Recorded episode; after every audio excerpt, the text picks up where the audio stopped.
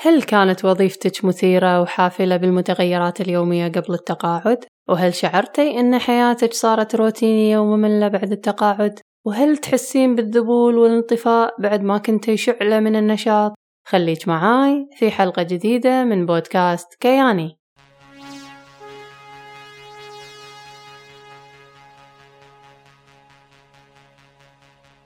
بودكاست كياني للمرأة المتقاعدة أو المقبلة على التقاعد. أهلا بك. أنا دلال عبد الرزاق مدو كاتبة ومستشارة متقاعدة من العمل في مجال العلاقات العامة بالقطاع الحكومي.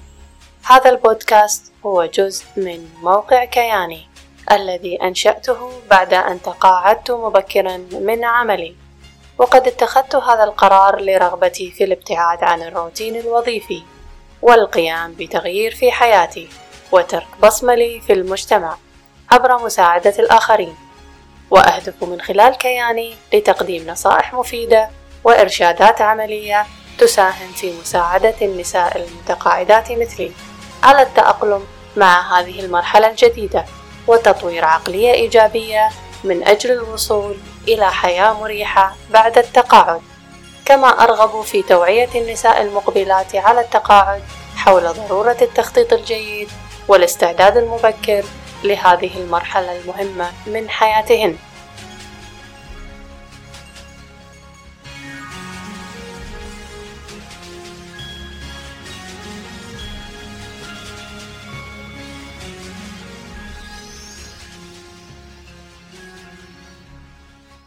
حياك الله أختي المتقاعدة أو المقبلة على التقاعد في حلقة جديدة معاي من بودكاست كياني.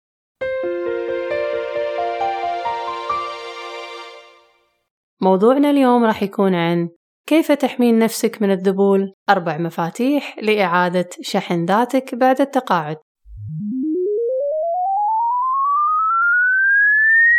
في وايد سيدات يشتكون بعد التقاعد إن أكثر شعور مزعج بالنسبة لهم هو فقدان البهجة والسعادة في الحياة لأنهم صاروا يحسون بقلة الطاقة والحيوية واختفاء كثير من الاهتمامات والأنشطة. فإذا كنتي تفكرين وتتساءلين عن الطريقة اللي ممكن تتخلصين فيها من الروتين الممل اللي هاجم حياتك وشلون تستعيدين نشاطك وحيويتك بعد ما صاب هالخمول في حلقة اليوم راح أقدم لك أربع مفاتيح لإعادة شحن ذاتك بعد التقاعد.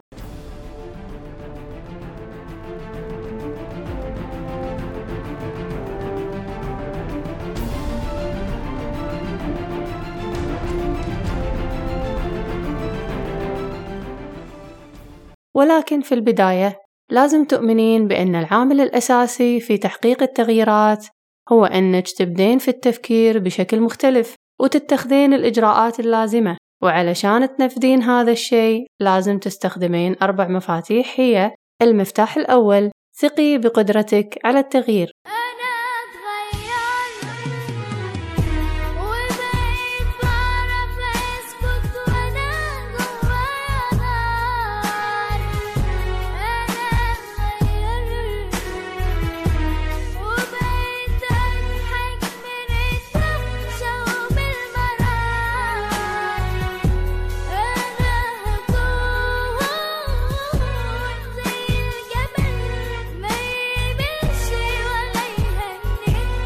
لما نؤمن إيمان حقيقي بأن التغيير ممكن طول الحياة نقدر نحرر أنفسنا من السلاسل اللي تقيدنا ونسمح لذواتنا بالنمو والتطور. والتقاعد هو أفضل فترة للقيام بهذا الشيء لأننا تخلصنا من قيود العمل. وهذا الأمر يشبه إلى حد كبير العناية بالنباتات واللي تحتاج رعايتها باستمرار وتزويدها بالمغذيات والماي وتوفير الإضاءة المناسبة لها علشان تكبر وتزهر وتطلع لنا الثمار.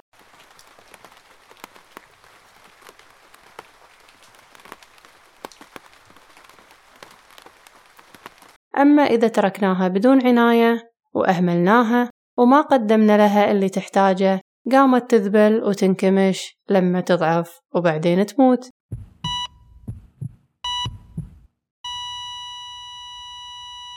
نفس الشيء ذواتنا.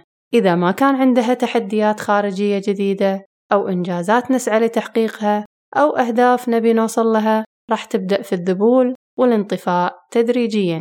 عزم وإصرار ملا قلبي.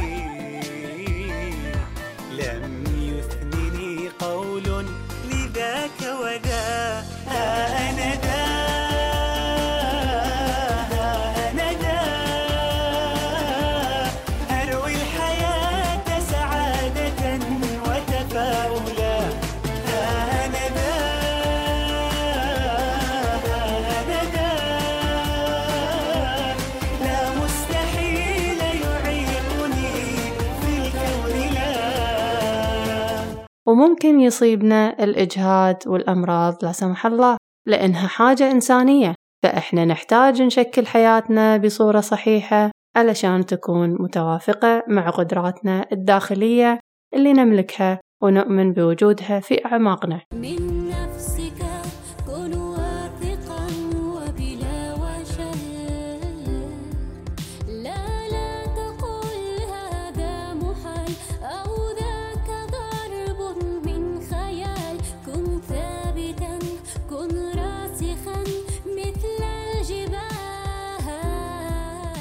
المفتاح الثاني. اصنعي عادات جديدة ومارسيها. متعودة دايما العادات السيئة هي ببساطة طريقة للتعامل مع الضغط النفسي أو الشعور الزايد بالملل وتأخذ أشكال كثيرة مثل الإفراط في تناول الوجبات السريعة والإنفاق الزايد على التسوق وإضاعة الوقت على وسائل التواصل الاجتماعي وغيرها من العادات. وكل هذه الأمور ناتجة عن الاستجابة للضغط والملل لذا كوني واعية. ولا تستسلمين لهذا الشيء فأنتي تقدرين تعلمين نفسك طرق جديدة وصحية للتعامل مع الإجهاد والملل علشان تحل مكان عاداتك السيئة. لأن وجود بدائل جيدة لعاداتك السيئة لما تحسين بالضغط أو الملل راح توصلك إلى نجاح طويل المدى. وتقلل من السلوك المدمر للذات. وتذكري إن إحنا لما نسوي شي دايما ونكرره يصير عادة. وعلشان تغيرين العادات لازم تحطين في اعتبارك الشي اللي تبين تغيرينه. وتبدين بخطوات صغيرة. والتقاعد يعتبر فرصة لك لأن التغيير الدائم يحتاج الصبر والمثابرة. وهذا يبيله وقت. وهو الشيء اللي تملكينه الحين بعد التقاعد. وبعد فترة من الاستمرارية راح تطورين عادات جديدة مثل قطرات الماء الجارية. قطرة بعد قطرة لما تحفر لها مسار بين الصخور الصلبة.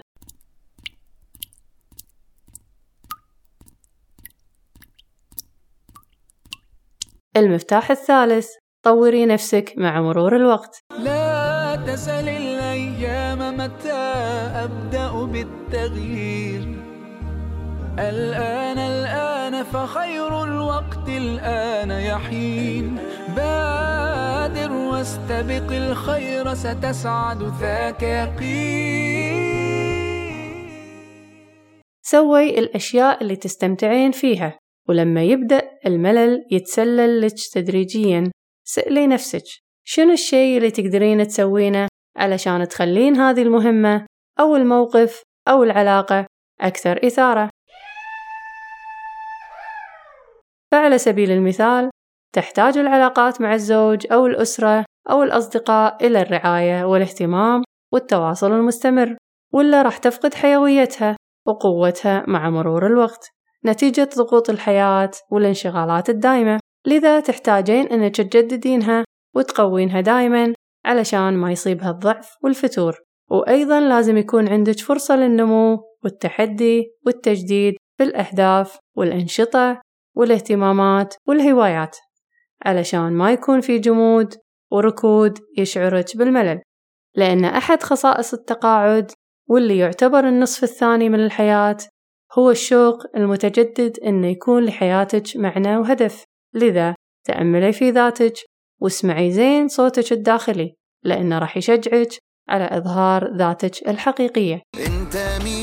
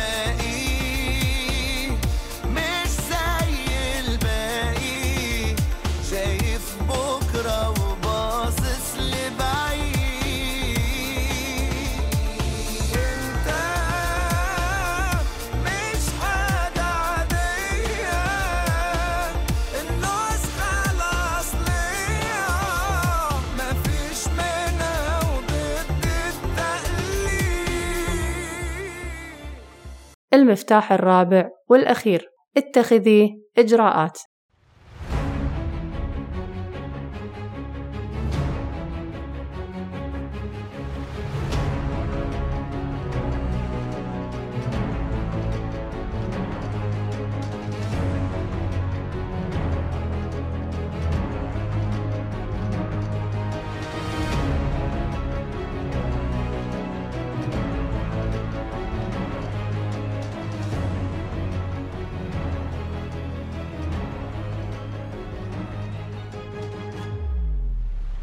أهم شي تسوينه الحين هو إنك تبدين وتنطلقين.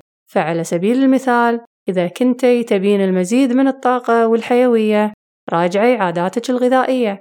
هل تاكلين أكل صحي مفيد أو إنك مدمنة على الوجبات السريعة؟ وممكن تاخذين قرار واعي إنك تشربين كمية أكبر من الماي بدال المشروبات الغازية ولازم تكونين فطنة ومحددة في قرارك. علشان ما تسمحين لنفسك تقاومك وتهزمك. يعني ممكن تقولين لنفسك أنا راح أشرب علبة واحدة في اليوم وأشرب الماي في كل الأوقات الثانية ولازم تتابعين هذا القرار يوميا. ومع مرور الوقت وبدون ما تحسين راح تكونين طورتي عادة صحية جديدة. أخيرا. انظري للحياة على إنها رحلة وانتي المنسق لرحلتك. فإذا كنتي على مسار ما يعطيك الرضا اللي تبينه ابحثي لك عن مسار جديد. وبعدين استمتعي بالرحلة إلى النهاية لأنها راح تاخذك إلى اتجاهات ما تتخيلينها.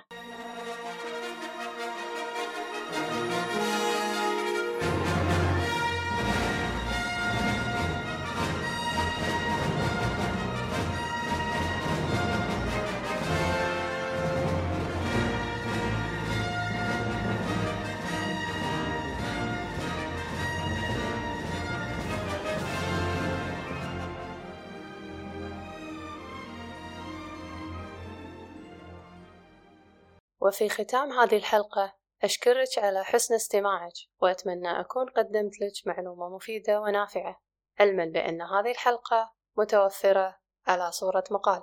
في موقع كياني. يسعدني ويشرفني زيارتك لموقع كياني دوت سي أو. الرابط موجود في الوصف تحت المقطع. حياك الله وأتشرف بزيارتك. بودكاست كياني فكرة وإعداد وتنفيذ دلال عبد الرزاق مذوب